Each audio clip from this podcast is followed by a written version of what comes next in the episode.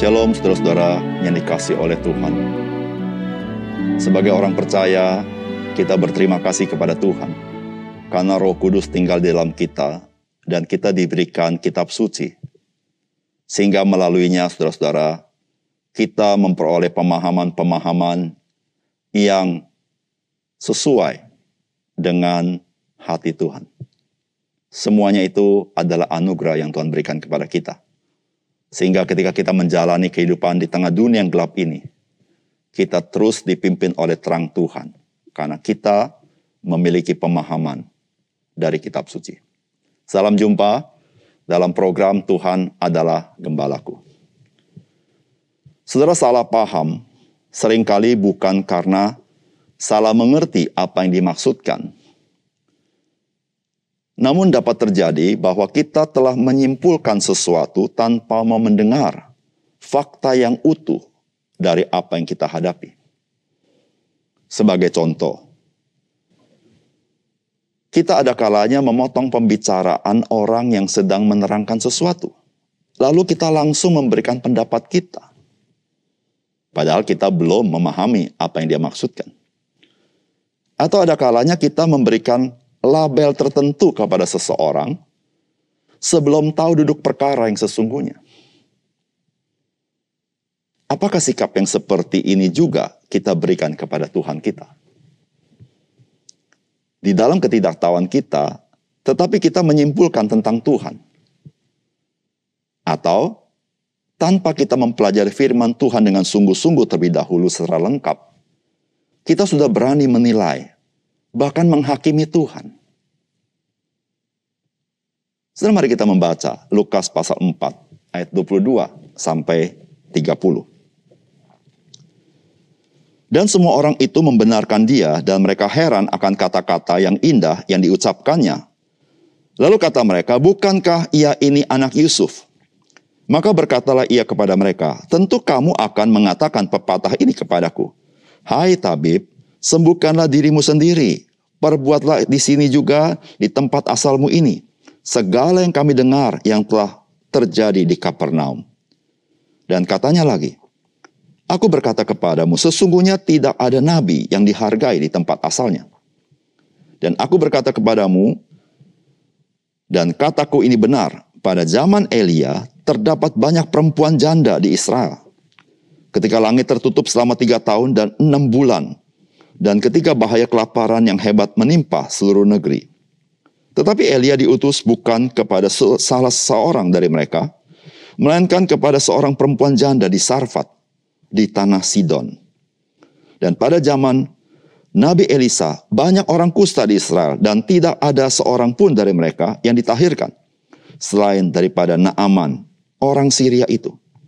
Mendengar itu sangat marahlah semua orang yang di rumah ibadat itu. Mereka bangun lalu menghalau Yesus keluar kota dan membawa dia ke tebing gunung tempat kota itu terletak untuk melemparkan dia dari tebing itu. Tetapi ia berjalan lewat dari tengah-tengah mereka lalu pergi.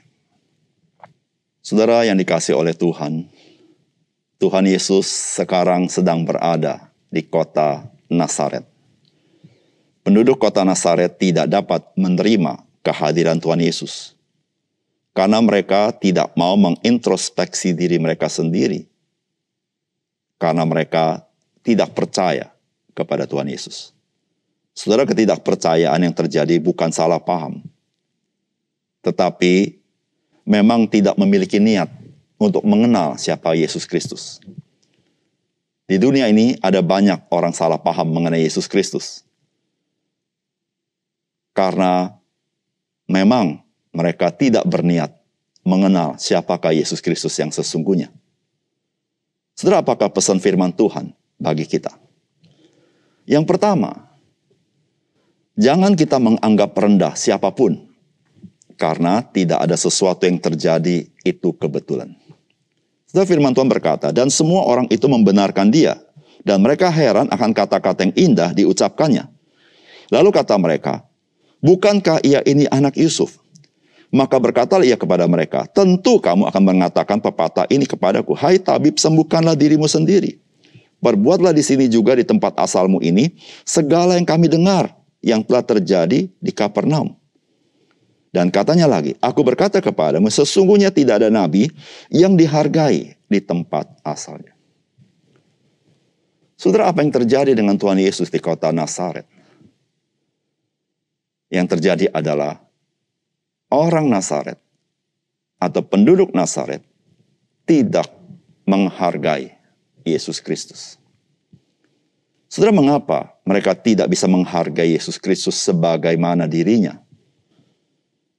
Karena mereka berkata, bukankah dia ini anak Yusuf?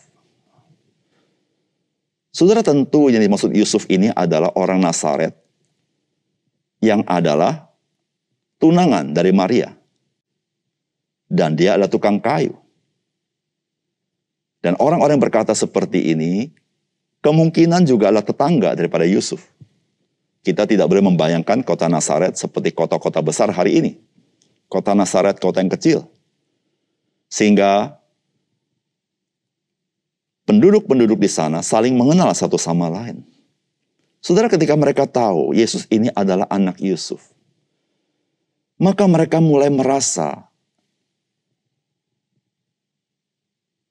sama dengan Tuhan Yesus. Mereka tidak berbeda dengan Tuhan Yesus. Mereka menganggap remeh Tuhan Yesus. Sehingga mereka mengatakan, apa yang kau perbuat di Kapernaum, mujizat itu, perbuatlah di sini. Saudara, ini bukan gambaran kerinduan akan melihat akan kuasa Tuhan Yesus. Tetapi lebih kepada ketidakpercayaan. Saudara, apa yang mereka tahu?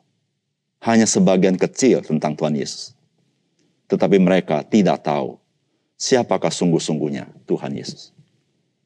Saudara, kehidupan kita bisa berbuat seperti orang-orang Nazaret. Ketika kita tidak menghargai orang lain, karena kita baru mendapat informasi sedikit tentang orang itu, atau kita belum dapat informasi apa-apa. Kita hanya melihat orang lain dengan tampilannya, dengan cara dia berbicara, dengan apa yang dia miliki. Lalu kita menganggap orang tersebut lebih rendah dari kita. Atau dengan kata lain, kita tidak terlalu menghormatinya. Saudara yang kasih dalam Tuhan, sikap yang seperti itu adalah sikap yang tidak bijaksana. Setiap kali kita berjumpa dengan siapa pun di dalam hidup kita, tidak pernah sebuah kebetulan tetapi ada maksud dan rencana Tuhan. Oleh karena itu, saudara yang kasih dalam Tuhan, dengan siapa pun engkau berjumpa, mari kita belajar menghargai orang lain. Sebagaimana kita dihargai oleh Tuhan. Kita melakukan kepada orang lain sebagaimana kita melakukan untuk Tuhan. Saudara yang kasih dalam Tuhan, ketidakpercayaan orang-orang Nazaret bukan karena mereka salah paham, tapi karena mereka merasa mereka itu sama atau bahkan mereka kurang menganggap akan Tuhan Yesus. Yang kedua, saudara semua orang membutuhkan kasih Tuhan. Namun tidak semua orang mau menerima ketika Tuhan mengulurkan tangannya untuk menyatakan kasihnya. Setelah firman Tuhan berkata, dan katanya lagi, aku berkata kepadamu, sesungguhnya tidak ada nabi yang dihargai di tempat asalnya. Dan aku berkata kepadamu, dan kataku ini benar. Pada zaman Elia terdapat banyak perempuan janda di Israel ketika langit tertutup selama tiga tahun dan enam bulan. Dan ketika bahaya kelaparan yang hebat menimpa seluruh negeri. Tetapi Elia diutus bukan kepada salah seorang dari mereka, melainkan kepada seorang perempuan janda di Sarfat, di tanah Sidon. Dan pada zaman Nabi Elisa, banyak orang kusta di Israel dan tidak ada seorang pun dari mereka yang ditahirkan. Selain daripada Naaman, orang Syria itu. Mendengar itu sangat marahlah semua orang yang di rumah ibadat itu. Saudara, mengapa orang-orang Nasaret ini marah? Ini adalah respon kepada apa yang Yesus katakan. Karena kisah yang Yesus katakan adalah bagaimana Tuhan menolong bangsa lain, bukan bangsa Israel. Dan Tuhan mengatakan bangsa Israel membutuhkan tetapi yang Tuhan tolong adalah bangsa lain. Saudara, apa yang Tuhan mau sampaikan kepada orang Nazaret? Saudara orang Nazaret membutuhkan pertolongan Tuhan. Tetapi mengapa Tuhan tidak menolong mereka? Karena mereka tidak mau menerima uluran tangan Tuhan. Itu yang Tuhan mau sampaikan. Saudara semua orang membutuhkan kasih Tuhan. Tidak ada seorang di dunia ini yang tidak membutuhkan kasih Tuhan. Tidak ada seorang di dunia ini yang tidak membutuhkan keselamatan daripada Tuhan. Namun pertanyaannya adalah, dari orang-orang yang berkata, saya butuh keselamatan daripada Tuhan. Siapakah di antara mereka yang mau menerima uluran tangan Tuhan Yesus?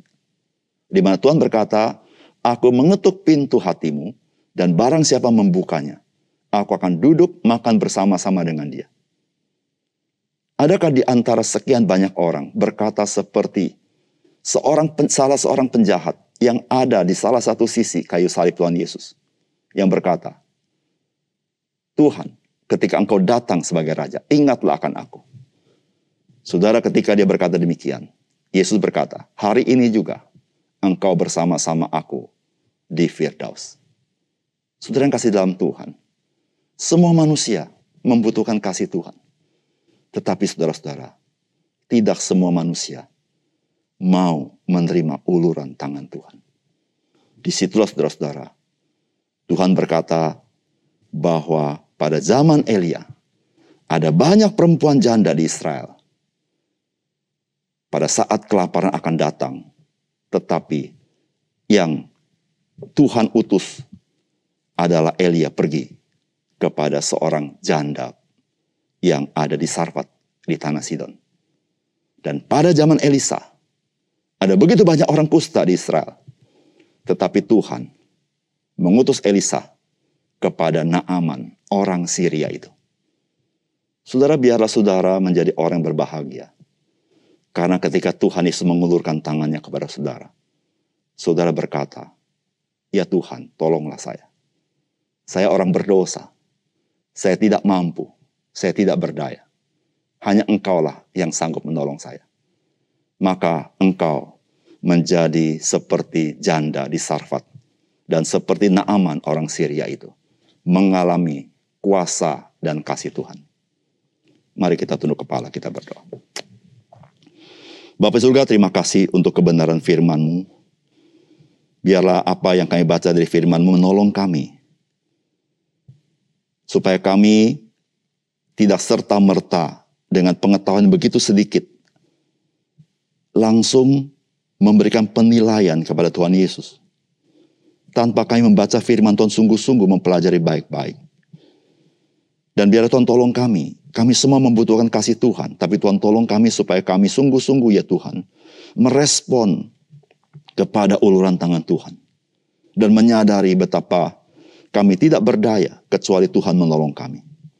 Ya Tuhan biarlah kami boleh menjadi seperti janda di Sarfat yang mengalami pertolongan Tuhan. Seperti Naaman orang Syria itu.